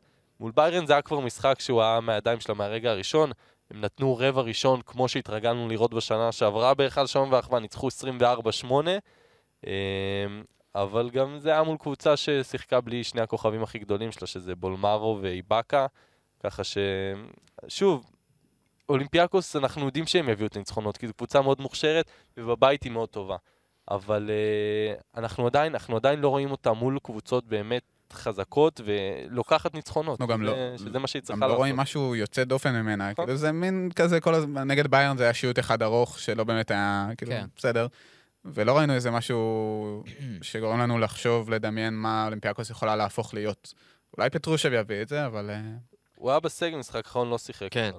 ואני לא מבין, אה, ברצוקס, מאמן שאני מאוד אוהב, אני לא מבין מה קורה עם מילוטינוב, אני באמת, אנחנו כל שבוע לדעתי אומרים את זה, למה הוא לא הסנטר הבולט של הקבוצה הזאת? ועם כל הכבוד והאהבה למוסטפא פאל. ש- אני, אני לא יודע, ש- שאלה מעולה. אבל הוא- אבל רואים את זה מאז שהיה לו את העניין הזה בפ... עם ה... בפציעה ביד. ש- ביד זה היה, אני לא זוכר כבר, אבל מאז כאילו שהתחילו ה... מאז שהוא לא שיחק בעצם אה, משחק וחצי, הוציא אותו מהקצב. אבל אני לא יודע... בוא בוא אבל- נחזיר. לא, אולי יש שם עניין שאנחנו לא יודעים. אה, משחק. אחרון, אבל הוא לא, לדעתי היה טוב. הוא היה, לא, הוא היה טוב, אני אומר, הוא קיבל 18 דקות, והוא היה קצת יותר טוב, ונגד אה, ריאל הוא שיחק רק 15 דקות, ואתה אומר, נגד גוף של טווארס, אתה צריך טיפה יותר אה, אגרסיביות מפעל, פעל זה, זה בעיקר אורך. כן, אבל אני לא צריך כן. להגיד לך כמה שפעל, אתה כל פעם מהלל אותו, כמה שפעל חשוב לקבוצה הזאת, ומה ברור, שהוא נכון, עושה. התקפית, שני צידי. מגרש, לא רק אבל. גם מילוטינוב. אבל יכול להיות נכון. אז... אולי יש שם איזה הגבלת דקות, לא יודע, בדקות שלו הוא בסדר, כן. צריך להגיד. לא, לא, לא אז בא- אולי יש שם איזה אני לא משהו. בא מילוטינוב בזה, אני בא אני לבטוח. יודע, אז כן. אני אומר, אולי יש שם איזה הגבלת דקות, בגלל משהו בריאותי, אני לא יודע. כי מאז שהיה את הפציעה הזאת, ראינו שהוא חזר, זה היה כזה מוזר. היה איזה משחק שהוא היה בסגל, שיחק ארבע דקות, היה משחק שהוא לא שיחק, שניים אולי אפילו, ומאז הוא כאילו לא עובר את ה-15 דקות, אז אני אומר, אולי יש שם משהו. אני חושב שאנחנו נראה את החלוקת דקות הזו לאורך כל העונה, פשוט כי פעל שחקן מאוד חשוב אולימפיאקוס, ברצוקס מאוד אוהב אותו, מאוד בונה עליו. כן, זה פשוט מה שאנחנו הולכים לראות, אני מסכים. פשוט מרגיש לי מסוימים שאם אתה צריך מילוטינוב לתת משחק- לו יותר. משחק 20-22 דקות, הוא פשוט ייתן לך יותר, זה זה מין שוב, אה, אבל משחק זה עניין של כזה. זה, משחק אחרון, הוא כבר היה 18 וחצי. יכול להיות שעוד. שבוע, שבועיים אנחנו כבר נראה את ה... רק נזכיר הזה. שהשבוע אולימפיאקוס וולנסיה נפגשות בקרב מרתק על מקומות 7-8. אה, זה יהיה מעניין. תודה. הנדולו, הנדולו אפס, השלימה שבוע מושלם. למרות הכל, ניצחה את פנתנייקוס במשחק מצוין, אה, אה, שדיברנו עליו קודם קצת, וניצחה את אלבה ברלין, שזה בכלל הישג חסר תקדים. הישג חסר תקדים, אבל עדיין היא נורא נורא פצועה, אה, והיא היריבה הבאה של מכבי תל אביב, אז בא לי שנדבר עליה קצת מקצועית. איך היטיב לתאר זאת ליאור נרקיס? דוקטור, תציל אותי. זה נראה לי מה שכרגע מה, קורה. היום זוהר ארגוב, ליאור נרקיס, ומי היה איתנו עוד בהתחלה? תקשיב, אה, שרבי. אני הולך לשיר אחד, אני מציע אותך כמנחה. וואי, חלום. היית רוצה? אה, מה נדולו יכולה להכין למכבי תל אביב כדי לצאת עם ניצחון אה, שבשבילה יכול להיות מאוד מאוד חשוב, וגם בשביל מכבי. קודם כל, לפני הכל, אה, הנדולו זאת קבוצה שבמהלך העונה דיברנו עליה שהיא קצת מגמגמת, ואמרנו, ארדם צ'אנס, זה, זה המקום בשבילו, הוא צריך להמשיך, הוא לא צריך להמשיך. בסוף הם באותו מאזן כמו מכבי תל אביב, שמבחינתנו עושה עונה טובה עד כה. אה, מישהו, אני לא נראה שמישהו יחלוק איתי על זה. טוב, בוא נגיד טובה, לא, לא מעולה, לא רעה. אה, אז אני אומר, הם באותו מאזן, אה, אז הדברים אה, בסוף מתאזנים, ואולי אחרי המשחק הזה הם יהיו מעליהם. ומבחינת הנדולו, אה, דיברנו על, הקו הקדמי שלה, שלדעתי אנ- אנחנו... בוא נגיד, לארקין יהיה טוב, זה אנחנו יודעים. תומפסון זה חצי-חצי, זה תלוי איזה יום הוא קם, אבל אני חושב שהקו הקדמי, גם ב matchup ההגנתי אל מול אה, מה שמכבי מביאה, והיא מביאה הרבה נשקים, וגם במה שהיא יכולה להביא מהספסל, שזה דניאל אוטורו, שאני אני בינתיים חייב להגיד שאני מתרשם ממנו טובה, גם מהבחינה ההגנתית של הטיפולים שלו ב pick and roll. אה, ובאמת, אני חושב שהאנדולו, אם הם יהיו בקצב של השבוע האחרון, הם יוכלו לעשות למכבי צרות, כי זאת קבוצה שגם כשהיא פצועה עם מיליון הפציעות שלה, היא קבוצה טובה. היא לא קבוצה רעה בכלל, אה, וזה יהיה מעניין לגמרי. תעשה למכבי צרות כי קבוצת התקפה טובה גם בצורה הנוכחית שלה, וכמו שאנחנו רואים את מכבי, היא פשוט לא מצליחה מול קבוצות התקפה, גם לא הכי טובות שיש, ווילרבאן היא לא קבוצת התקפה טופ יורוליג, וקלעה עליה 91 נקודות בלי הרבה בעיות. אה, ומן הסתם, המפתח זה יהיה לנסות כמה שיותר להוריד את שיין לארקין. אם אתה תצליח להוציא את שיין לארקין מהמשחק ולגרום לו, לו למסור את הכדור ולתת לאחרים לנצח אותך, לדעתי למכבי יהיה הרבה יותר קל. אה, זה לדעתי הבסיס של ה... צריך של להגיד מה שלארקין. עשה בשבוע האחרון, הוא עשה ב- נכון, נכון. נגד אה, אלבה ברלין. קודם כל, בכלל היה שם משחק אה, מבחינת נתונים אה, חריג. שלארקין מצד אחד עשה 41 נקודות מדד יעילות, יוהנס טימן מהצד השני עם 40 מדד יעילות. לא, אני תוהה מתי זה קרה לאחרונה, כן, דבר כזה. האם זה קרה? לדעתי. זה לא קרה, אבל לא יודע. נכון, ש- קרה, אז מה קרה? בדיוק. זה לא סביר. אה, אבל באמת, שיין לארקין, שזה נכנס, אנחנו יודעים שהוא מדהים בכל קנה מידה, אה, ובאמת מכבי יצטרכו להתמקד בו. אני תוהה האם אה, אולי אנטונוס קליבלנד צריך לקבל קצת יותר קרדיט, אפרופו, דיברנו מלוטינוב יותר קרדיט, אני טוען באופן כללי שאנטונוס קליבלנד לא מקבל מספיק קרדיט, וזה גם גורם לו לא להיות מחובר התקפית בהרבה מהזמן. מבחינה הגנתית, הוא השחקן אחד הטובים ביורוליגה, לא תשנו את דעתי, ולדעתי הוא צריך לקבל כן. הוא חייב- להתחיל להוכיח באיזה את זה עמדה אתה עכשיו. חושב שהוא צריך לקבל יותר קרדיט? 2-3, מתחלף. זה לא, לא משהו... לא, השאלה על חשבון הדקות של מי? של קולסון או של בולדווין? קודם כל אפשר להוריד מבולדווין 2-3 דקות למשחק, לא יקרה כלום, לאזור ה-27-28. אה, ודבר שני, אולי, אה, לא יודע, להוריד קצת מקולסון גם את ה-2-3 דקות, אתה יודע, לתת... תראה, אני- דיברנו אני קודם, חושב שקליבלנד צריך לקבל 15-16 דקות מינימום. דיברנו בתחילת הפרק שלמכבי תל אביב יש בעיה כרונית בהגנה, ויכול להיות שזה קשור גם לכוכבים שלה, אולי באמת זה הפתרון, לקחת מהם קצת דקות ולהביא את זה לשחקן שהטיקט שלו צריך להיות זה. אה, אז זה מעניין. אתם רוצים שנדבר קצת על הקבוצות שהשבוע האחרון היה שבוע שהם ירצו לשכוח? ז'לגיריס, מילאנו, הכוכב האדום, הפסדים כפולים לכל אחת מהקבוצות האלה שלאט לאט מתרחקות גם מהמקום שמוביל לפליין. זה לא נראה טוב. לא נראה טוב. מילה על מילאנו, שפשוט... אמרתי אולי זה שמירוטיץ' נפצע שם, אולי זה קצת יפתח את הדברים, יפתח את הדלת לשחקנים אחרים. ראינו את לא עושה את המשחק המטורף הזה כן. אה, לפני כמה שבועות, אבל אף שחקן בקו האחורי שם לא באמת מצליח לעשות את ה step-up הזה, ובסוף יוצא ששוב, משחקים צמודים, הם לא יודעים מה לעשות בסוף, ואין כן. להם פתרונות לדברים האלה, וזה דבר שלא ייפתר. וגם אני כאילו אומר, אוקיי, יביאו עוד איזה גארד, גארד שמגיע באמצע העונה, להפוך אותו לבעל בית של קבוצה, זה לא דבר שרואים כמעט. ככה ש... לא יודע, העתיד, אני לא יודע כמה. הכל נופל על שבון שילץ, בטח שמירוטיץ' לא משחק, ו... מה דעתכם על הטענה הזו אבל- שמירוטיץ' הפסיד בכוונה את המשחק אה, נגד פרטיזן? אה, חד משמעית. העניין הוא. פצוע. לא, קודם כל, אמ, מסינה אמר שהוא לא הולך להיות כמה שבועות, העניין הוא שיש לו ברצלונה עכשיו. אז כאילו אומרים זה רצף, לא רצה לראות את פרטיזן ולא רוצה לשחק מול ברצלונה. יפה. יכול להיות שפתאום מכמה שבועות ואפילו יותר זה יהפוך להיות שבועיים בסוף, בסוף, בסוף. בסוף, הוא טען, אה, נכון, הוא טען בהודעה רשמית שאיימו על משפחות, כן. על כן. משפחתו, אז אני לגמרי מבין אותו אם הוא זייף פציעה בשביל זה. לא, אבל אומרים- אה, חודש, אני לא יודע, אולי באמת מה שעמית אומר יקרה, וואלה, לא, בשביל זה- שזה יהיה אמין, לא, זה mastermind יפה. בשביל שזה יהיה אמין. אתה באמת חושב שיעשו את זה, שלא ישחקו עם שחקן... אה, למה? אבל לא. מה- מה זה קשור? לא, יכול להיות שבחדרי חדרים, מירוטיץ' אמר להם, תקשיבו, אני מרגיש פחות בטוח להגיע לשטארק ארנה מול הוא לא שיחק גם בלגרד." במשחק הראשון של השבוע, אבל.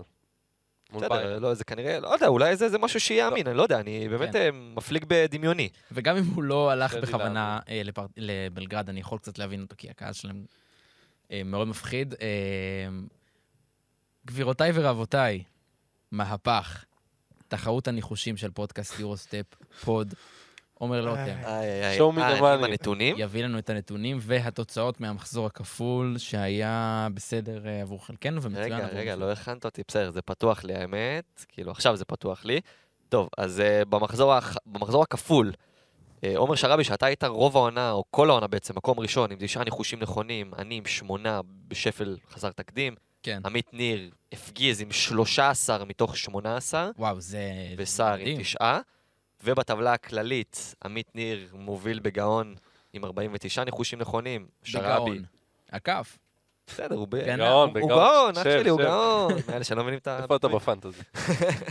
לא, עזוב, זה... אה, עומר שרעי במקום השני עם 48, אני במקום השלישי עם 43, ושר שוהם מזדנב עם 42. מזדנב תכף מזדנב. אחד אחריך. אני לא יודע אם אתם שמים לב, אבל אני מחרים את איסוף הנתונים לפני הפרקים עד שאני לא מקום אחרון, עד שאני יוצא מהמקום האחרון. אני טעיתי אם שמתם לב, זה פשוט נמשך הרבה שבועות, אז כשתהיה לי נחמה אני אוכל אה, לקחת את אז זה. אולי במחזור הזה תהיה לך נחמה. בוא נפתח עם הכוכב האדום שמארחת את אלבה ברלין למפגש רותח והיא תנצח. הכוכב האדום, צלי חרוז. כן, מהכוכב. כן. כוכב. אני תביס אפילו. ז'לגיריס מארחת את פרטיזן בלגרד. פרטיזן. וואו. ז'לגיריס. פרטיזן.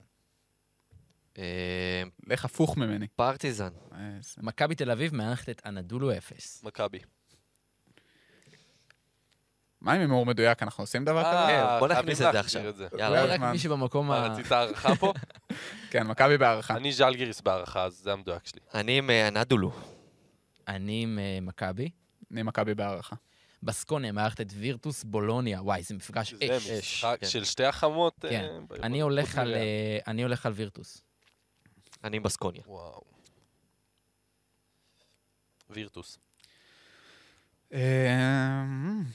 אה, וירטוס. תן לי בסקוניה בשתיים. מרקוס האוורץ הניצחון. כך. שוב. ריאל מדריד מארחת את ביירן מינכן ומאמנה לשעבר. איזה מפגש. מרגש. איזה ריאל- מפגש מרגש. ריאל בשלושה. וריאל לא תעשה, זהו, לא הלוואי תעשה. של אסו, כן, זהו, הלוואי של אסו ינצח. אבל זה לא יקרה. אבל לא. ביירן. ריאל. אה, ריאל. זהו, נגמר, אמר ביירן. ריאל. מארחת את פנתנייקוס. פאו. פנטינאיקוס. תזכרו, זה בהיכל החדש של אה, זה, של וילרבן. הוא שם 23 וילרבן- בוולנסיה. וילרבן מנצחת. פנתנאיק. יואו. פנר מארחת את אה, מונקו, גם מפגש טוב. פנרבכצ'ה. פנרבכצ'ה גם. מונקו.